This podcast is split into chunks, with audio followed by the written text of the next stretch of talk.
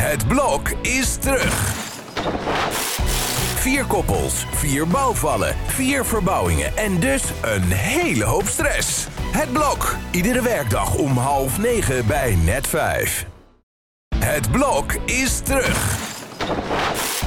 Vier koppels, vier bouwvallen, vier verbouwingen en dus een hele hoop stress. Het blok, iedere werkdag om half negen bij net vijf. De stroom.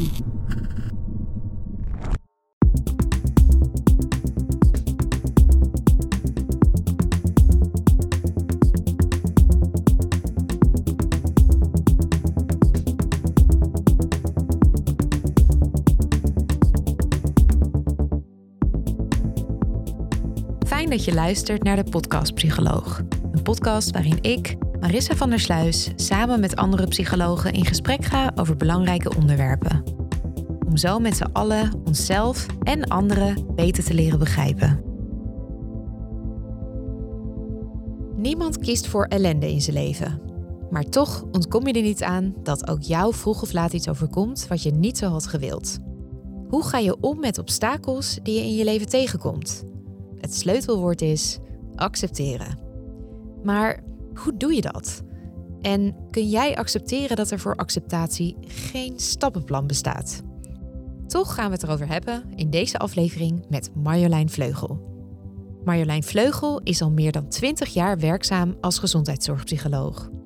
Ze leidt zorgprofessionals op in het procesgericht werken met acceptance en commitment therapy, ook wel ACT genoemd. Daarnaast is ze eigenaar van expertisecentrum ACT en verzorgt ze workshops en trainingen voor instellingen en bedrijven.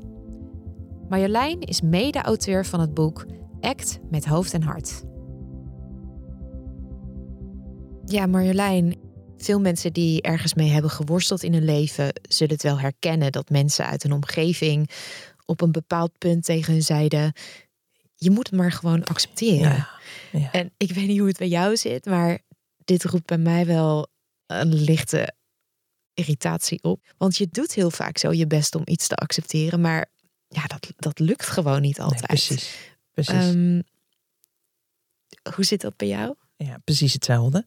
Ik denk dat dat, eh, eh, dat dat bij ieder mens geldt. Dat als je hard voor iets werkt en iemand doet de suggestie van, goh, misschien moet je het accepteren of je moet het gewoon accepteren. Daar zit een soort van gemakkelijkheid in. Alsof het easy peasy is om moeilijke dingen te accepteren. Ja, makkelijke dingen kan ik wel accepteren. Oh, vandaag schijnt de zon. Oh, dat accepteer ik wel. Ja, dat is niet zo ingewikkeld. Ja. Maar ingewikkelde dingen, en dat zijn meestal de donkere dingen in ons leven, dingen die pijn doen. Ja, de- het is echt te gemakkelijk om te zeggen: accepteer het maar gewoon. En het is een soort, en dat, daar zit misschien jouw irritatie. Het is ook een soort van neerbuigendheid, alsof je dat zelf ook niet had bedacht. ja.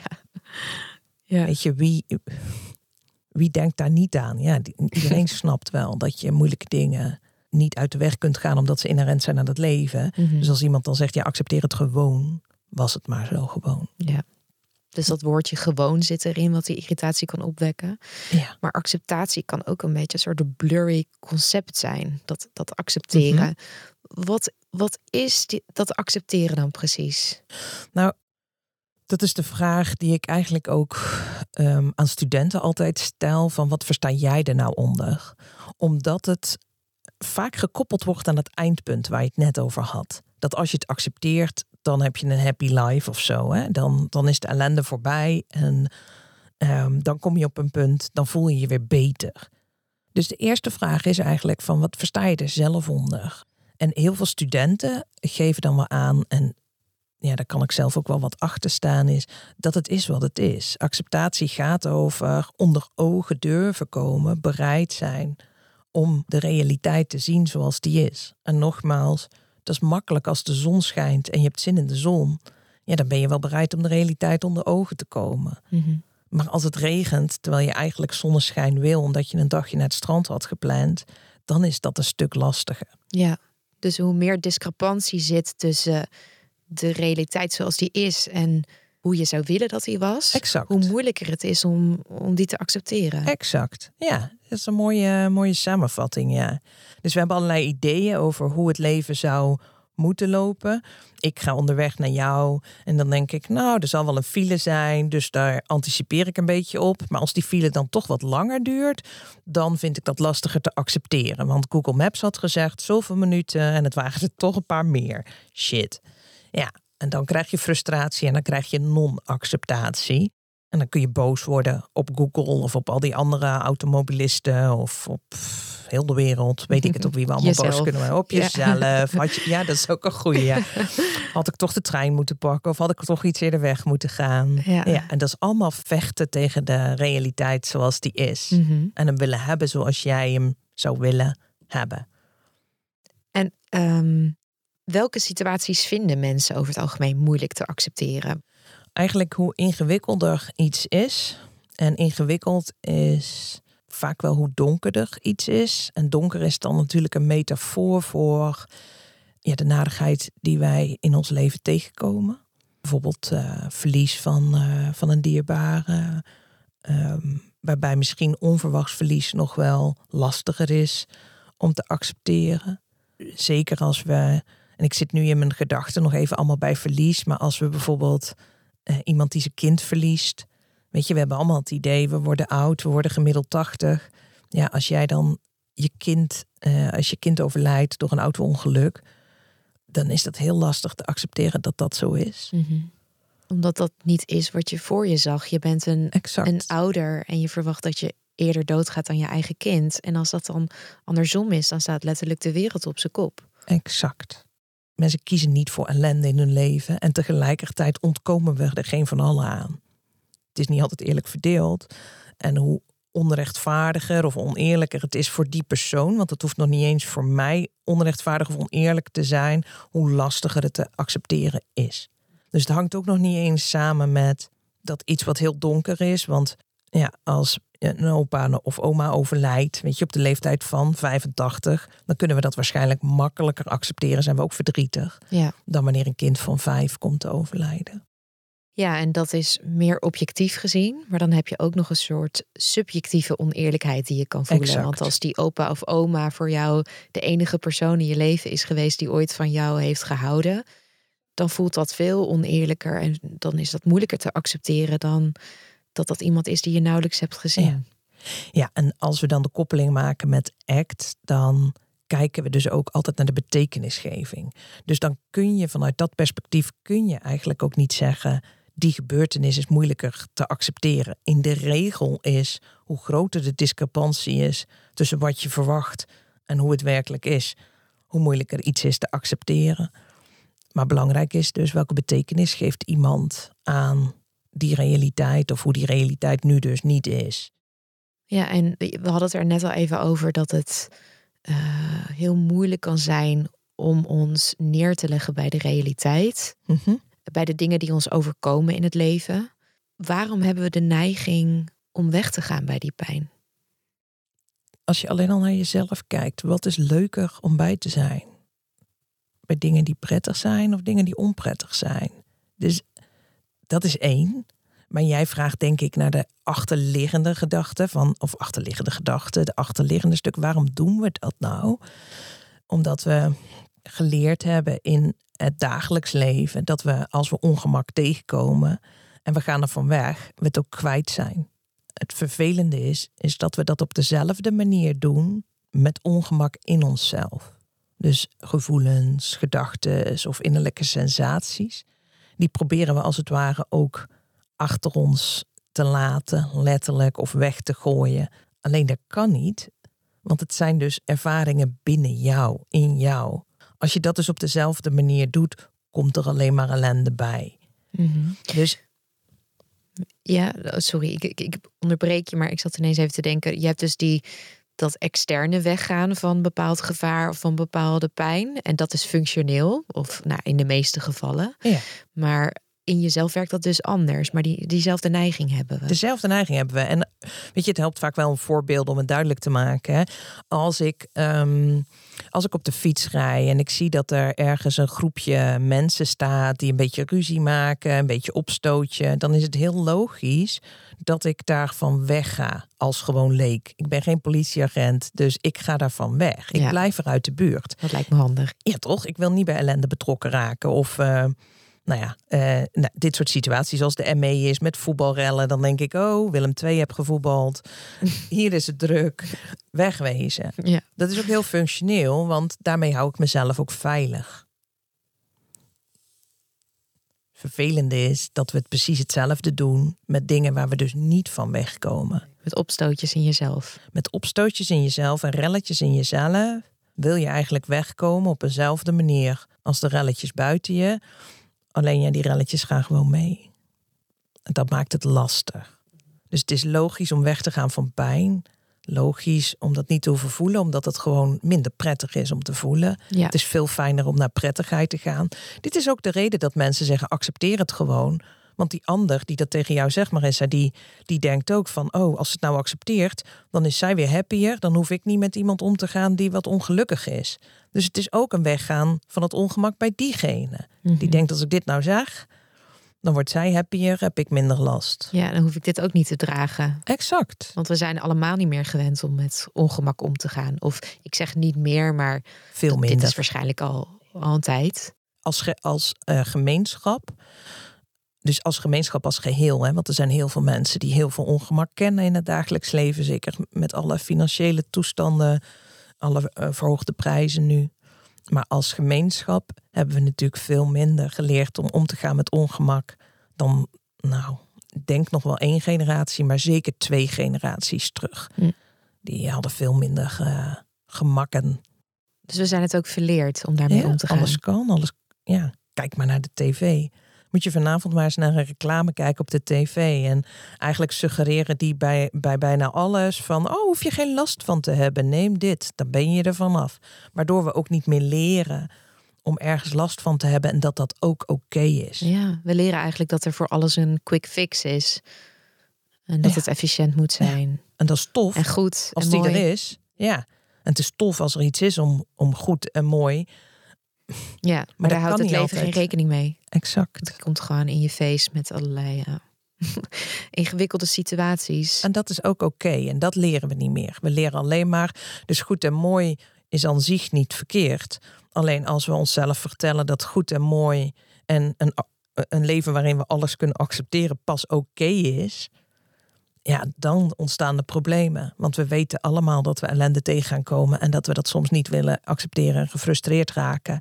En als we dan die koppeling maken met onszelf, dat wij dan niet oké zijn, omdat we ons zo voelen, ja, dan gaat het mis. Ja.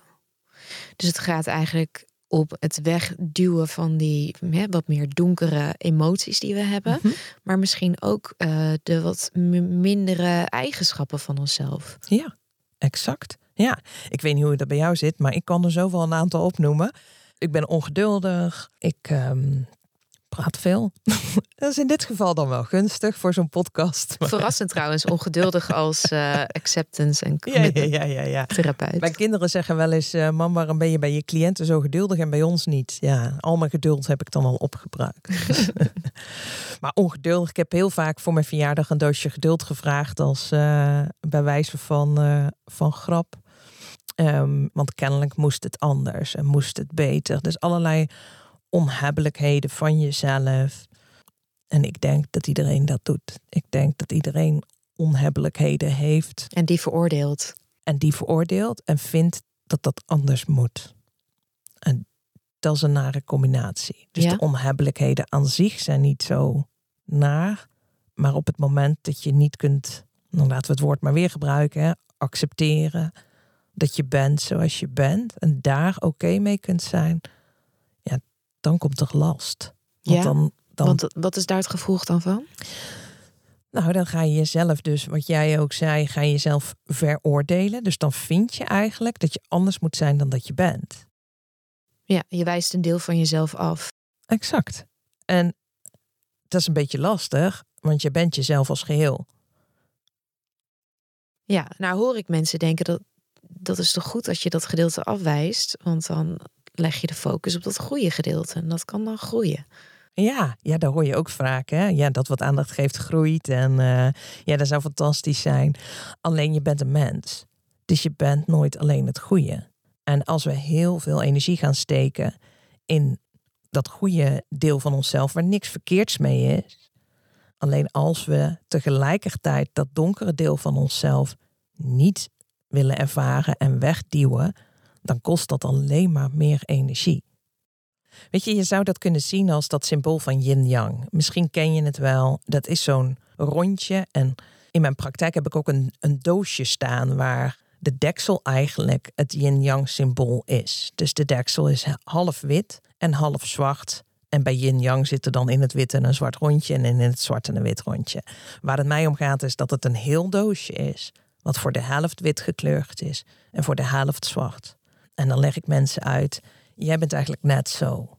Dus je hebt positieve eigenschappen of eigenschappen die we als positief labelen in deze maatschappij, in deze context. En je hebt negatieve eigenschappen.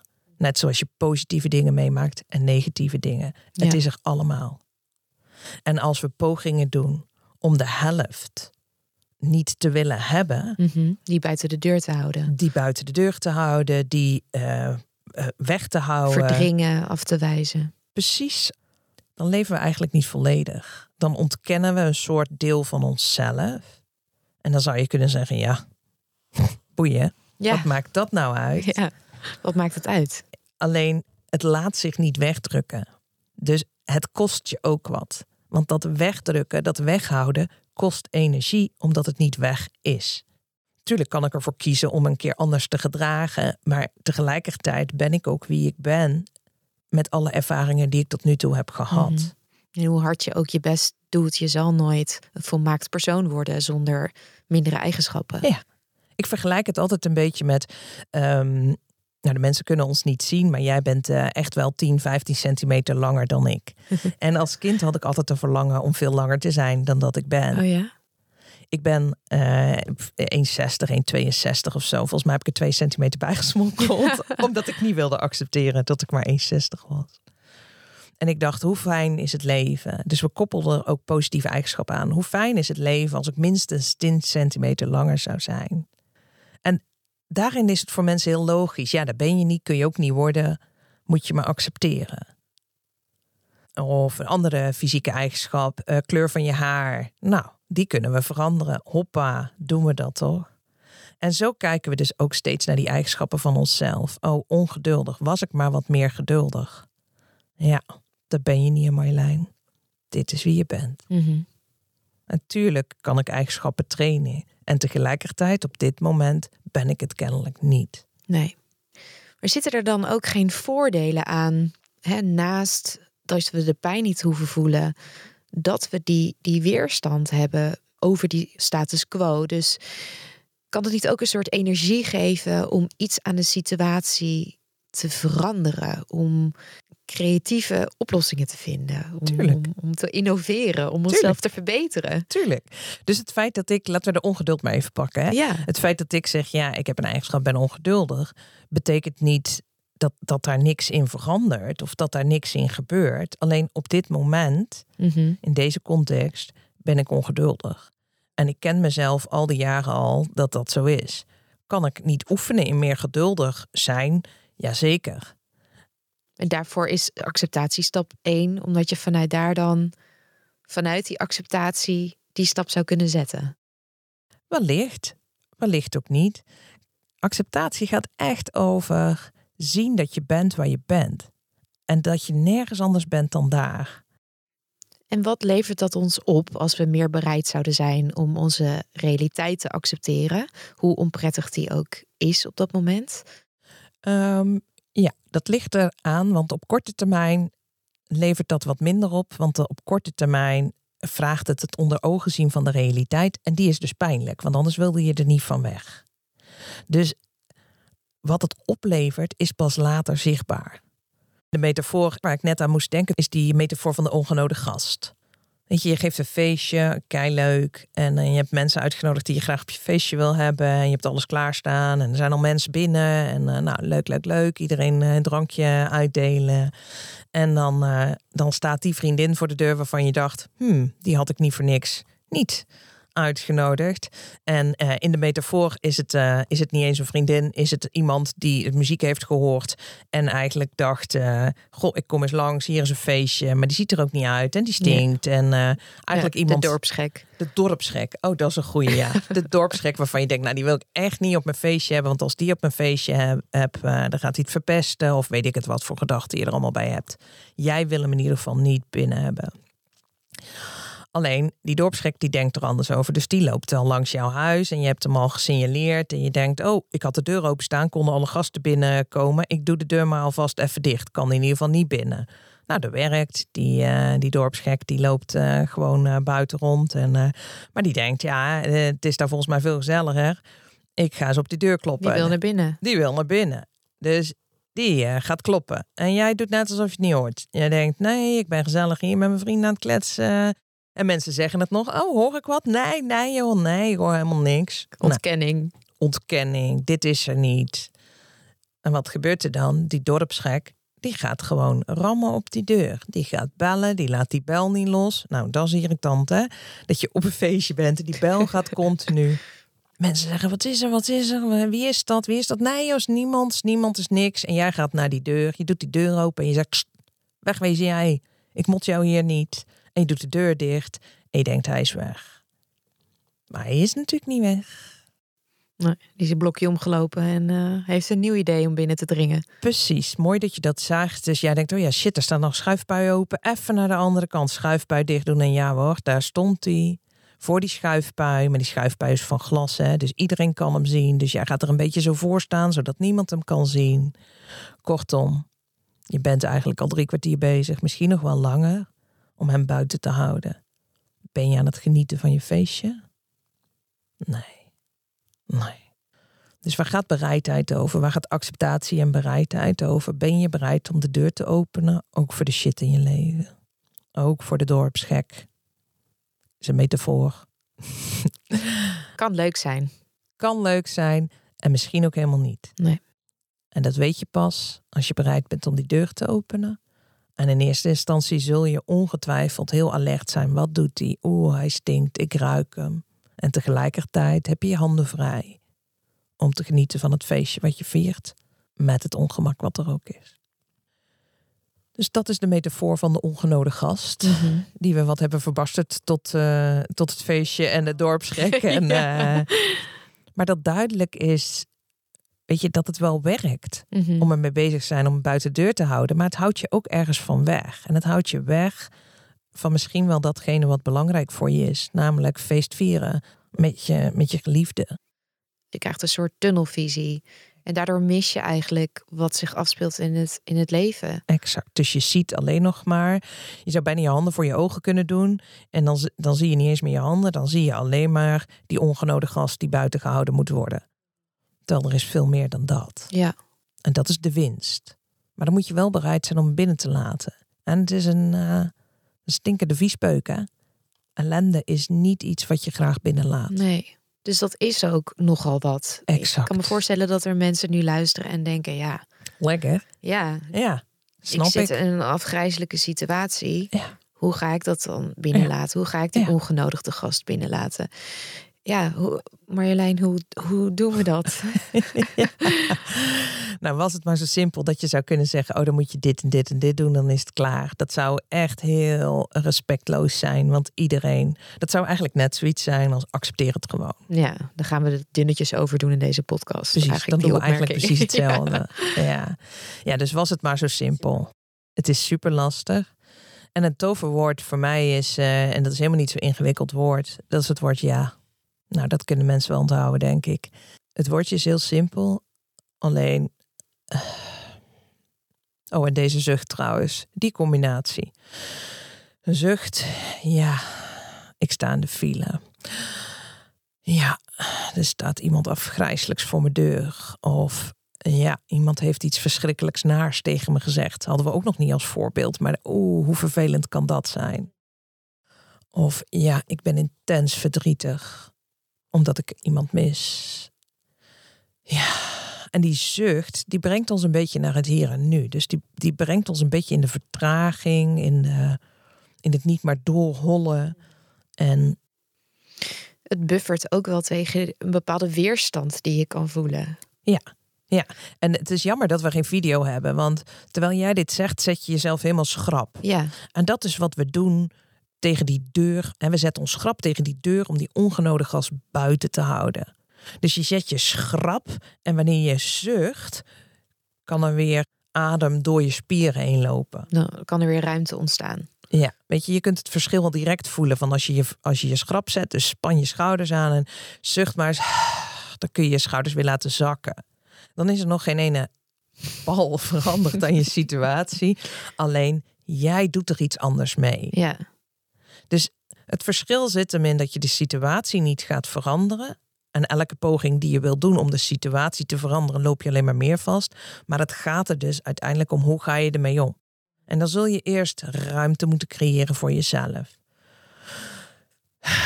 En te erkennen dat je bent waar je bent. Ja, ik sta in de file. Ja, ik ben verdrietig. En in een therapeutische sessie begeleiden we onze cliënten daarbij. Door zelf te vertragen, door ook niet te willen dat de cliënt al ergens anders is. Maar gewoon erbij te blijven. Ja, dit is waar je bent, dit is wat je voelt. dus eigenlijk ook de situatie benoemen zoals die is Exact. voor jezelf. Dat is stap één. Dat is wel een mooie toevoeging, ja. Want die vergeet ik eh, wel vaak.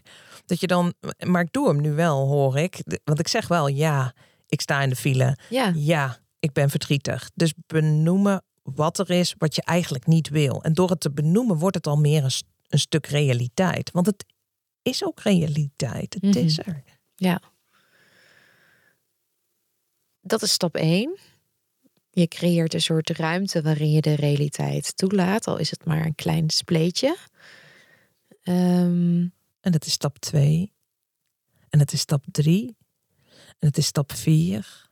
En het is, en ik zie jou vragend kijken, en dat gaat over, ben je bereid om te voelen wat er nu te voelen is? En soms hebben we te accepteren dat het antwoord nee is.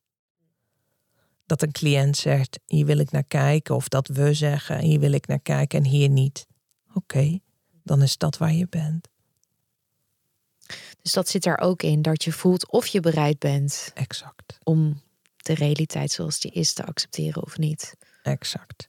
En denken in stappen hè, suggereert dat er een soort van stappenplan is. Als je dit nu doet, dan kom je daar. Terwijl het is eigenlijk elke keer opnieuw een checken waar ben ik en hoe is de situatie en hoe, hoe, wil, ik, hoe wil ik reageren op wat er is. Maar hoe wil ik reageren? Daar kunnen we pas naar kijken als we bereid zijn om te zien waar we zijn.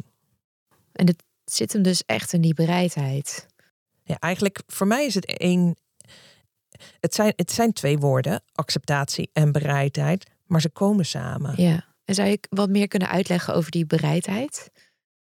Ja, qua betekenis zit het er dus dicht tegenaan. Bereidheid is een actieve houding van jezelf of je wilt zijn waar je bent. En als je niet wil zijn waar je bent, is dat even oké als wanneer je wel bereid bent waar je bent. Klinkt heel erg vaag misschien, omdat ik zeg dat je bent waar je bent, al die eh, termen zo bij elkaar. Dus eens kijken bijvoorbeeld, als ik in de, mm, in de file sta, even maar dat simpele voorbeeld toch, hè, duidelijk te maken. En ik zeg ja, ik sta in de file. Dan werk ik op dat moment aan bereidheid om onder ogen te komen waar ik ben. Vervolgens merk ik dat ik toch op Google Maps ga kijken, is er geen alternatieve route? Dan wil ik er van weg. Oké, ik ben niet bereid om hier in die file te staan. Ik wil hier van weg. Wat moet ik doen? Kan ja, het? Ja, je gaat er actie ondernemen. Ik ga actie ondernemen. En soms werkt dat. Maar vandaag was er geen alternatieve route. Ik kon er niet af. Was gewoon geen afrit. Ja, dan kun je er ook niet af. Ja, je staat in de file. Ben ik bereid om in die file te staan? Ik kan niet anders. Dus voor mij was dat een hele makkelijke. Oké, ik sta hier. Ja, is vervelend. Dan wordt het wat rustiger. Na vijf minuten sta ik nog steeds op dezelfde plek. En dan komt er weer zo'n golf. Ja, Tori, Ja. hoe lang gaat dit nog duren? Dus die bereidheid die fluctueert ook. Je hebt die bereidheid gevonden, maar vijf minuten later eh, gaat hij weer naar beneden. Exact. Dus bereidheid is een is fluid, is vloeiend, is in beweging, is een proces. Eigenlijk net als acceptatie. De realiteit is hetzelfde. Dus met bereidheid ben ik ertoe bereid? Nee, oké, ook oké. Maar dan ben je waarschijnlijk aan het vechten tegen dat het zo is. Nou, ik ben wel bereid om tijdens dit feestje heel de tijd tegen de deur te zitten om de ongenode gast buiten te houden. Oké, weet je, ook prima. En dan zou ik vragen, goh Marissa, hoe was je feestje? En zei jij, zeg jij, ja, dat was zwaar kut, want ik heb heel de tijd tegen de deur aangezeten om eh, de ellende buiten te houden. Dat is vervelend voor je. Dat is wat jij hebt gedaan. En dan word jij boos op die ongenode gast. En wat wij zouden gaan bespreken is, zie je wat jij hebt gedaan met de situatie die zich aandiende. Want je kunt niks aan andere mensen veranderen. Zou fantastisch zijn, nou, dat weet ik eigenlijk niet of het fantastisch zou zijn. Soms denken we dat het fantastisch zou zijn, maar Nee. het is net als de realiteit. Het is wat het is. Mensen doen wat ze doen. Dus daarin kun je een keuze creëren. Terwijl we misschien vaak denken dat we die keuze niet hebben. Dat we Ja. alleen maar tegen de situatie Ja. kunnen ingaan. Ja, en je hebt geen keuze met alles wat zich in het leven aandient. Dat heb je niet te kiezen. Dus ik kan niet kiezen dat mijn man dat klusje nou wel of niet doet. Ik kan het tegen hem zeggen. Maar of hij het doet, dat is aan hem. Mhm. Ik kan tegen de wereld zeggen dat ik niet met verlies te maken wil hebben. Dat ik niet wil dat mijn kinderen ziek worden. Dat ik niet wil dat mensen vroegtijdig of onverwachts komen te overlijden. Maar zo werkt dat niet. Nee, er wordt toch niet naar je geluisterd. Er wordt niet- het leven luistert niet naar je. Exact. En daarom zei ik net van, oh, dat zou misschien fantastisch zijn. Maar stel je voor dat ik dat zou doen en jij zou dat doen. En 7 miljard mensen zouden dat doen. Volgens mij wordt het dan nog steeds, ja, wordt het ook niet Dan zijn we weer terug bij chaos. Ja. Exact, exact. Ja, we kunnen misschien een leuke film van maken, maar ik denk niet dat dat ooit realiteit wordt. Dus de realiteit kun je niet veranderen. En daar gaat acceptatie ook over. Erkennen dat de realiteit is zoals die is. Dat je alleen maar kunt kiezen om, om een volgende beweging te maken. Denk aan in de file staan. Je staat nu eenmaal in de file. Bij een volgende afslag kun je letterlijk kiezen: ga ik er af of blijf ik in de file staan? En wat een betere keuze is, ja, dan weet je altijd pas achteraf. En zelfs dan weet je het nog niet, want je hebt maar één keuze gemaakt en niet die andere. Dus acceptatie gaat over erkennen dat je bent waar je bent. En van daaruit, en even een stapje terug, erkennen dat je bent waar je bent. En daarin helpt dus zuchten en ja zeggen. Ja, hier ben ik. Zodat er wat meer ontspanning als het ware kan komen wellicht in de nare situatie waar je zit, zodat weer meer zichtbaar kan worden wat opties zijn. En soms is dat een tijdje hier blijven en de pijn voelen. En dat is wat cliënten doen in therapie. Dus mensen voelen verdriet en willen daar eigenlijk snel vanaf. Terwijl dit werk gaat over: ben je bereid om het verdriet binnen te laten komen Hm. op het feestje van jouw leven Ja, en, en, en erbij te blijven. en erbij te blijven?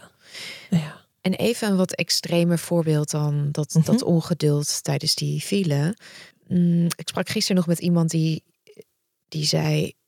Ja, ik voel dan paniek opkomen en ik wil dat niet. Want dan word ik zenuwachtig. Misschien krijg ik een paniekaanval. Ja. En Dat is natuurlijk een extremer voorbeeld van Ja. eh, iets niet willen toelaten. Een Ja. emotie. Ja, waardoor het uiteindelijk sowieso, dan weet je bijna zeker dat het wel komt. Ja, wat bij niet wil zeggen dat als je het toelaat dat het dan niet komt.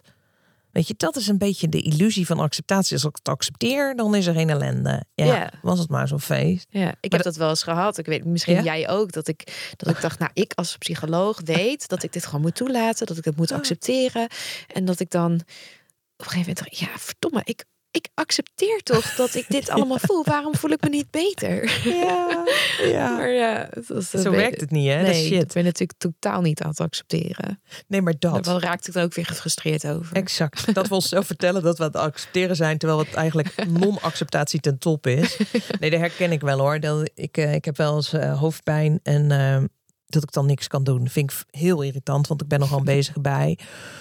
En dat ik dan zeg, oké, de hoofdpijn is zo erg, nu moet je echt gaan liggen. En dan ga ik liggen in bed en dan heb ik er wat pillen in gestopt. En dan denk ik, nou lig ik hier lekker te accepteren. En heb ik nog steeds koppijn. Ga nou over. Zo oneerlijk. Oneerlijk dit. En dan denk ik, nou ga slapen. Oké, fuck het, slaap, word ik wakker. Nou, dan heb ik geslapen, pillen geslikt, lig hier in bed, heb ik het nog steeds.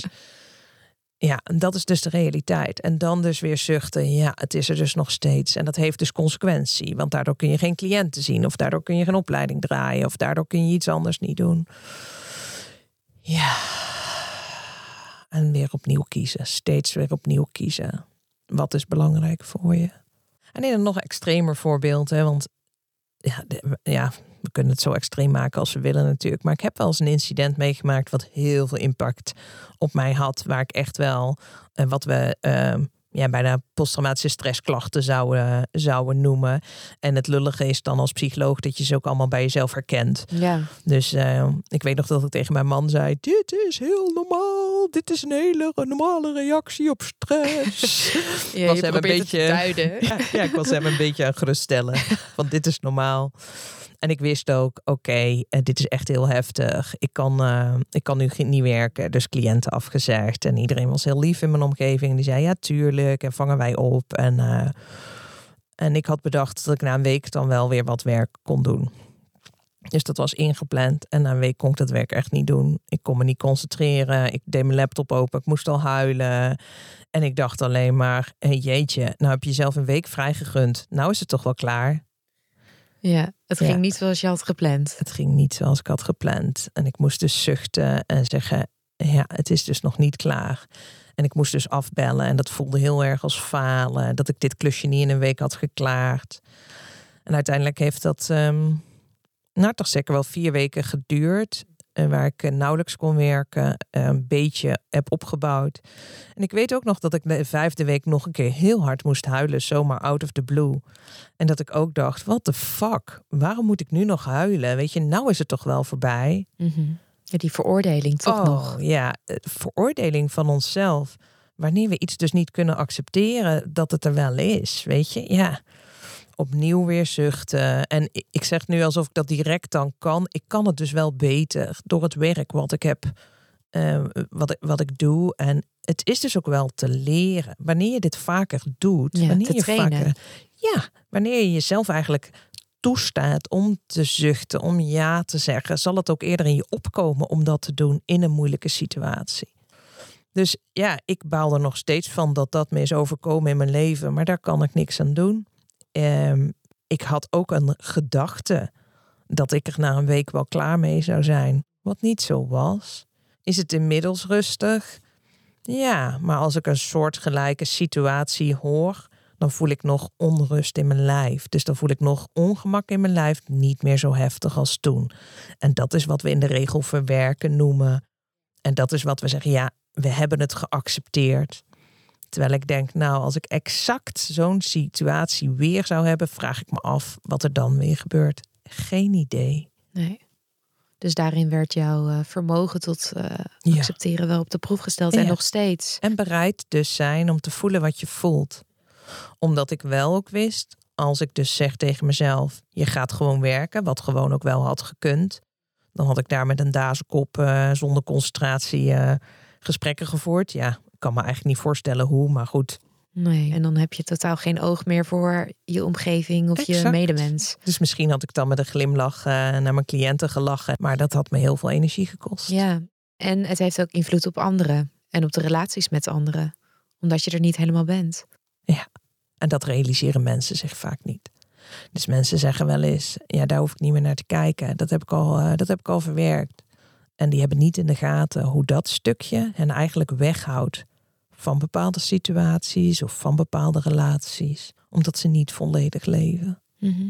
Zeg ik daarmee dat iedereen dat maar moet aangaan? Nee, natuurlijk niet. Is iedereen zijn vrije keus. Maar als mensen komen met een vraag, hè, met een hulpvraag, laat ik het maar zo zeggen, dan is altijd de vraag: ben je bereid om naar jezelf te kijken? En ik volg dat zoveel als de cliënt bereid is. Dus ik duw de cliënt niet richting dingen waar die niet naartoe wil. Ik laat alleen zien, er is nog meer. En als de cliënt daar niet naar wil kijken, doen we dat niet. Als die er wel naar wil kijken, doen we dat samen. Ja, want jij trekt ook wel eens de vergelijking van het onder ogen zien van je pijn met in een ijsbad stappen. Mhm. Uh, want beide vereisen nogal wat moed en vertrouwen.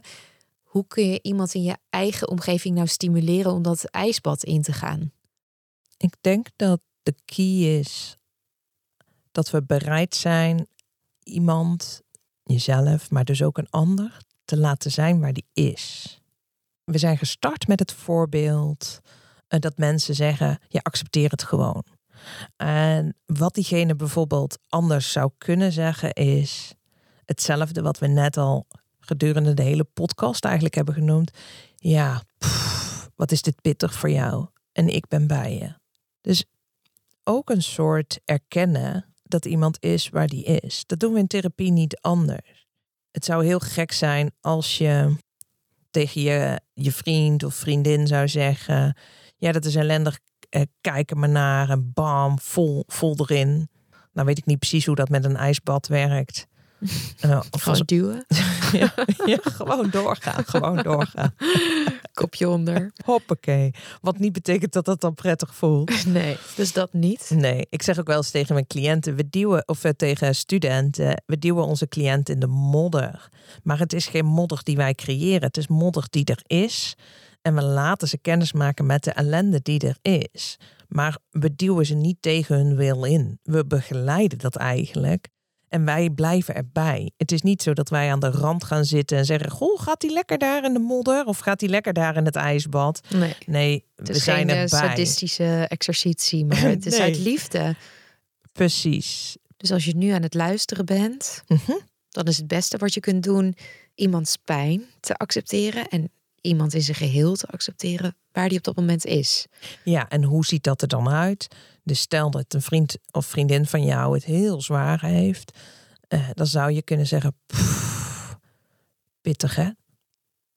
En we denken dat we heel veel moeten zeggen. Nou, zeggen we ook veel in zo'n podcast. Maar als het dan gaat over acceptatie en erbij blijven, is dit vaak al heel erg waardevol. Pff, pittig hè?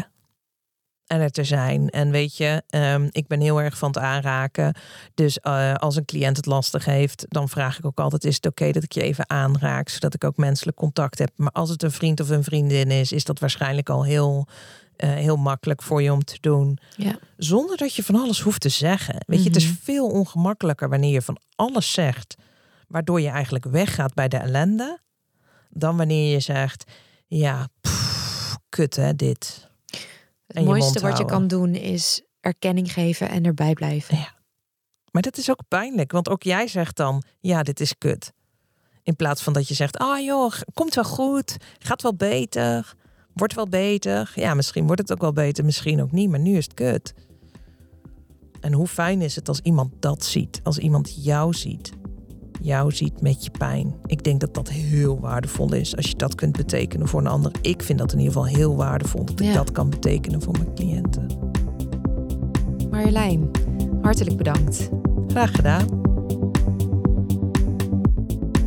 Wil jij weten hoe je kunt oefenen met bereidheid en acceptatie? Dan kun je luisteren naar de oefening Erbij blijven op de podcastpsycholoogclub.nl.